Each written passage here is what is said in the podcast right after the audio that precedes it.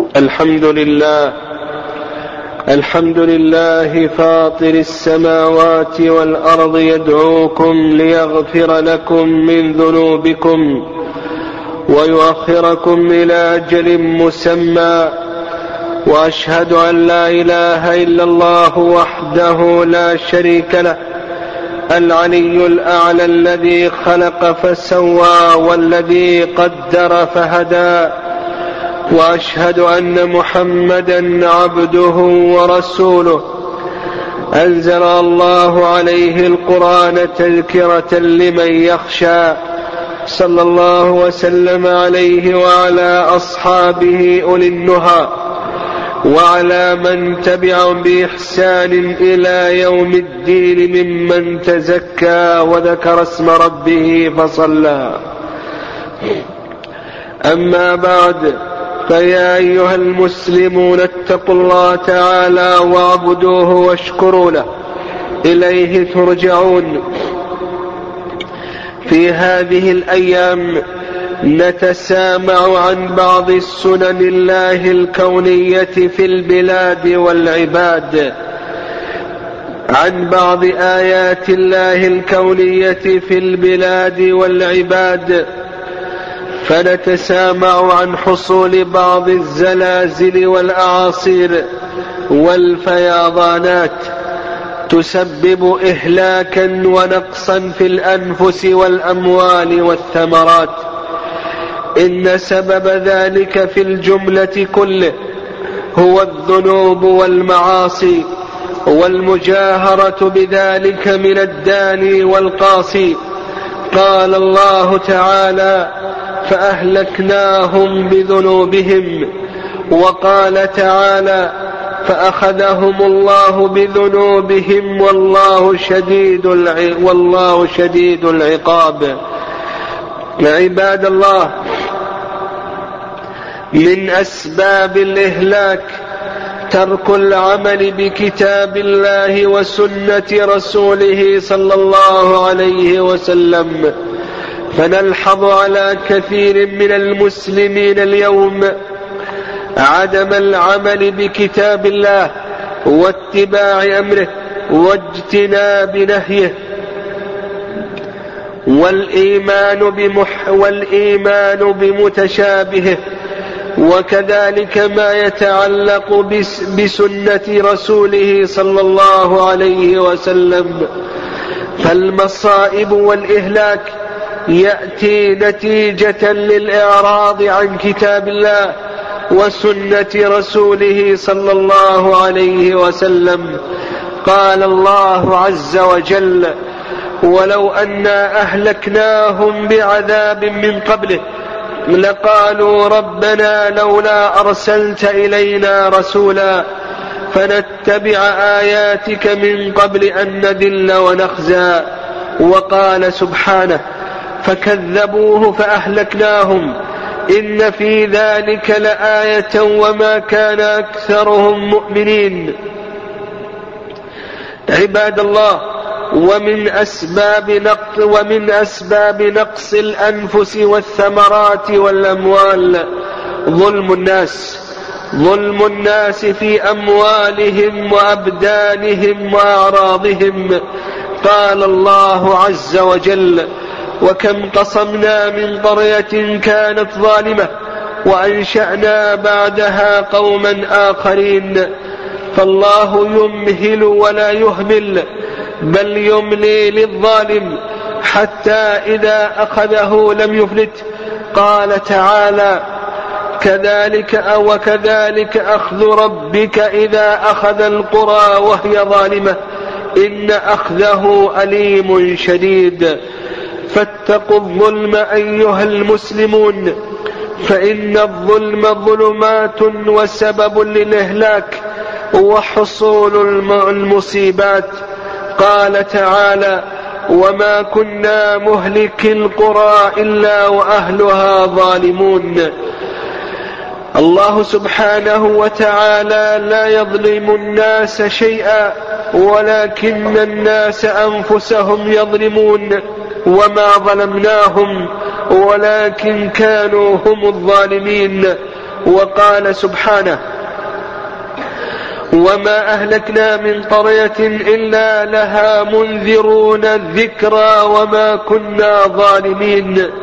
عباد الله ومن أسباب نقص الأنفس والثمرات والأولاد ظهور الربا والزنا قال النبي صلى الله عليه وسلم ما ظهر في قوم الربا والزنا إلا أحلوا بأنفسهم عقاب الله عز وجل.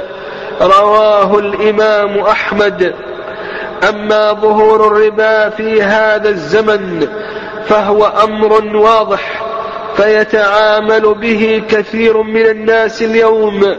ولا يتورعون عن كثير من المعاملات المشبوهة يتعاملون به سرا وعلانية ويتحايلون عليه. والله عز وجل يقول وأحل الله البيع وحرم الربا. وقال يا أيها الذين آمنوا اتقوا الله وذروا ما بقي من الربا إن كنتم مؤمنين. فإن لم تفعلوا فأذنوا بحرب من الله ورسوله وإن تبتم فلكم رؤوس أموالكم لا تظلمون ولا تظلمون. وأما الزنا فسبب ظهوره أمران الأول تساهل أولياء النساء في الوقاية لهؤلاء النساء بحيث يترك الرجل زوجته أو ابنته أو موليته تخرج إلى الأسواق والمجامع العامة متبرجة. وكذلك يأذن بادخال, بإدخال الأجهزة التي تبث الفساد وتحرف العقائد والأخلاق من قنوات فضائية. وأما الأمر الثاني فكذلك أيضا تساهل أولياء النساء في الرقابة بحيث تفشو المجلات السيئة وتبث الأفلام الفاسدة وتذاع الأغاني السافلة وتذاع الأغاني السافلة وتترك النصيحة. فاتقوا الله أيها المسلمون. واعتبروا بما حصل في هذه الأيام لمن حولكم. قال الله عز وجل أولم يروا كما أهلكنا من قبلهم من قرن مكناهم في الأرض ما لم نمكن لكم وأرسلنا السماء عليهم مدرارا وجعلنا الأنهار تجري من تحتهم فأهلكناهم بذنوبهم. وأنشأنا من بعدهم قرنا آخرين. إن في ذلك لذكرى لمن كان له قلب أو ألقى السمع وهو شهيد. وما يتذكر إلا من ينيب. فاتقوا الله تعالى وخذوا حذركم. ولا تظلموا أنفسكم ولا زوجاتكم وأولادكم. وانتهوا عما نهى عنه النبي صلى الله عليه وسلم. واتقوا الله إن الله شديد العقاب. ولا تأمنوا مكر الله وبأسه. وخاصة في أعقاب الغفلات. فإن أخذه أليم شديد. أفأمن أهل القرى أن يأتيهم بأسنا بياتا. وهم نائمون. أو أمن أهل القرى أن يأتيهم بأسنا ضحى وهم يلعبون؟ أفأمنوا مكر الله؟ فلا يأمن مكر الله إلا القوم الخاسرون. أفأمنوا أن تأتيهم غاشية من عذاب الله أو تأتيهم الساعة بغتة وهم لا يشعرون؟ كفوا عن السوء وانهوا عنه. ينجكم الله من عذابه وعقابه. إذا حل بالظالمين الناسين ما ذكروا. قال الله عز وجل فلما نسوا ما ذكروا به أنجينا الذين ينهون عن السوء وأخذنا الذين ظلموا بعذاب بئيس بما كانوا يفسقون. قال ابن الجوزي رحمه الله تعالى في موعظة له بعنوان بعنوان جزاء المخالفين لأمر رب العالمين. قال رحمه الله مخالفة الأمر توجب سخط الآمر والإصرار على المخالفة أعظم منها ما أسرع العقوبة. ما أسرع العقوبة إلى المسارع إلى المعصية وما أبعد الفلاح عمن لا تؤدبه العقوبة. كيف يطمع في الزيادة؟ كيف يطمع في الزيادة من هو مضيع للشكر؟ وكيف تدوم التوسعة؟ لقوم كلما اتسعت أرزاقهم ضيقوا على فقرائهم. المستعين بالنعم على المعاصي مستوجب للسلب ومن لا يتأدب بالرزية في ماله أدبته الرزية في نفسه. ثم قال فتوبوا إلى الله مما أنتم عليه من العصيان تبصروا فإنكم عن قريب إليه صائرون فهل أنتم على عذابه صابرون أو على رفع بأسه قادرون؟ فاتقوا الله بفعل ما أمركم به وترك ما نهاكم عنه وإدامة الذكر له واستشعار الخشية منه فإن الله إذا عاقب لم يقم لعقابه أحد انتهى كلامه اللهم اجعلنا من المتقين اللهم اجعلنا من المتقين الناجين الذين لا يمسهم السوء ولا هم يحزنون. واجعلنا من عبادك الشاكرين. واعذنا اللهم من الشرك وحال الخاسرين. والحمد لله رب العالمين. واستغفر الله لي ولكم من كل ذنب. فاستغفروه إنه هو الغفور الرحيم. الحمد لله رب العالمين. الرحمن الرحيم. مالك يوم الدين. والعاقبة للمتقين ولا عدوان إلا على الظالمين وأشهد أن لا إله إلا الله وحده لا شريك له وأشهد أن محمدا عبده ورسوله. أما بعد فخذوا فخذوا العبرة ممن حولكم وارجعوا إلى ربكم قبل أن يحل بكم ما حل بهم. قال الله عز وجل ولقد أهلكنا ما حولكم من القرى وصرفنا الآيات لعله لعلهم يرجعون. فارجعوا إلى ربكم واعبدوا الله ولا تشركوا به شيئا ولا تقربوا الفواحش ما ظهر منها وما بطن وذروا ظاهر الإثم وباطنه واشكروه واستغفروه ما يفعل الله بعذابكم إن شكرتم وآمنتم وما كان الله معذبهم وهم يستغفرون. عباد الله إن نزول الغيث من نعم الله عز وجل التي تستحق منا الشكر وكان النبي صلى الله عليه وسلم إذا غيمت عرف ذلك في وجهه. فإذا مطرت سري عنه وقال إن المطر رحمة.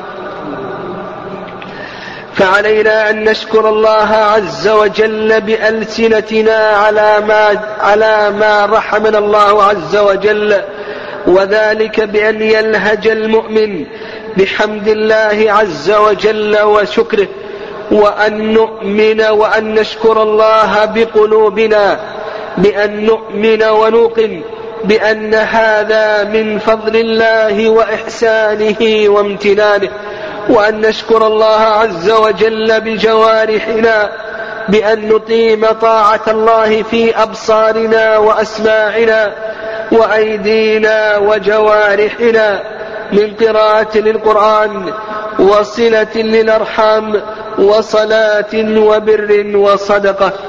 عباد الله ومما يستحب عند نزول الغيث يستحب إذا استيقظ المسلم من نومه فرأى أثرا للسماء فليقل مطرنا بفضل الله ورحمته كما جاء ذلك في حديث زيد بن خالد الجهني المخرج في الصحيحين. وكذلك إذا مطرت يستحب أن يقول المسلم مطرنا بفضل الله ورحمته ويستحب أيضا أن يقول اللهم صيبا نافعا كما جاء ذلك في حديث عائشة المخرج في, في البخاري وجاء في بعض الألفاظ اللهم صيبا هنيئا ومما يشرع أيضا الدعاء لحديث سهل بن سعد رضي الله عنه أن النبي صلى الله عليه وسلم قال ثنتان لا تردان الدعاء عند النداء والدعاء وعند البأس حين يلحم بعضهم بعضا وفي لفظ عند المطر رواه أبو داود. ويستحب إذا مطرت أن يحسر المسلم عن شيء من بدنه لكي يصيبه هذا المطر. وإذا زادت المياه وخيف منها سن أن يقول اللهم حوالينا ولا علينا اللهم على الضراب والآكام وبطون الأودية ومنابت الشجر خرجاه في الصحيحين من حديث أنس رضي الله عنه. ويستحب عند هبوب الرياح أن يقول اللهم إني أسألك خيرها وخير ما فيها. وخير ما أرسلت به وأعوذ بك من شرها وشر ما فيها وشر ما أرسلت به. خرجاه في الصحيحين من حديث أبي هريرة. ويستحب إذا سمع الرعد أن يفعل كما فعل ابن الزبير رضي الله تعالى عنه فإنه إذا سمع, سمع الرعد ترك الحديث وقال سبحان الذي يسبح الرعد بحمده والملائكة من خيفته. رواه الإمام مالك بإسناد صحيح. وروى ابن عمر أن النبي صلى الله عليه وسلم كان إذا سمع الرعد والصواعق قال اللهم لا تقتلنا بغضبك ولا تهلكنا بعذابك وعافنا قبل ذلك. رواه أحمد والترمذي. عباد الله كثير من الناس في مثل هذه الأيام والأجواء يكثرون الخروج إلى البراري. فأوجه نصيحة لهؤلاء أن يشكر الله عز وجل على نعمة الغيث وعلى ما من به عليهم من هذه المتع وأن يحذروا كفر نعم الله عز وجل. وذلك بالإسراف في الأطعمة والمشارب وعليهم أن يحافظوا على الصلوات وخصوصا ما يتعلق بصلاة الفجر. كذلك أيضا عليهم أن يحافظوا على حجاب نسائهم وعدم اختلاطهن بالرجال. كذلك أيضا لا يجوز لهم أن يتعرضوا للمخاطر ومن ذلك تمكين كثير من الصغار من الدراجات النارية أو السيارات أو اللعب بالسيارات كصعود مرتفع أو نزول منخفض ونحو ذلك أو الدخول في تجمعات المياه. فليحذر المسلم ذلك فإن نفسه أمانة أمانة عنده. قال الله عز وجل ولا تقتلوا أنفسكم إن الله كان بكم رحيما وقال ولا تلقوا بأيديكم إلى التهلكة نحمد الله سبحانه وتعالى ونشكره ونثني عليه على ما أنعم به علينا ومن من إنزال هذا الغيث فنسأله سبحانه أن يجعله صيبا نافعا وأن يجعله صيبا هنيئا إنه ولي ذلك والقادر عليه اللهم أعز الإسلام والمسلمين وأذل الشرك والمشركين. اللهم عليك بأعداء الدين. اللهم عليك باليهود الظالمين والنصارى الحاقدين. اللهم إنا ندرأ بك في نحورهم ونعوذ بك من شرورهم. اللهم فرج كرب المكروبين ونفس عسرة المعسرين. واقض الدين عن المدينين برحمتك يا أرحم الراحمين. اللهم اشف مرضى المسلمين. اللهم اشف مرضى المسلمين. ربنا هب لنا من أزواجنا وذرياتنا قرة أعين واجعلنا للمتقين إماما. اللهم آمنا في أوطاننا وأصلح أئمتنا وولاة أمورنا. اللهم اجعلهم محكمين لكتابك وسنة رسولك. محمد صلى الله عليه وسلم. ربنا لا تؤاخذنا إن نسينا واخطأنا. ربنا ولا تحمل علينا إصرا كما حملته على الذين من قبلنا. ربنا ولا تحملنا ما لا طاقة لنا به. واعف عنا واغفر لنا وارحمنا. أنت مولانا فانصرنا على القوم الكافرين.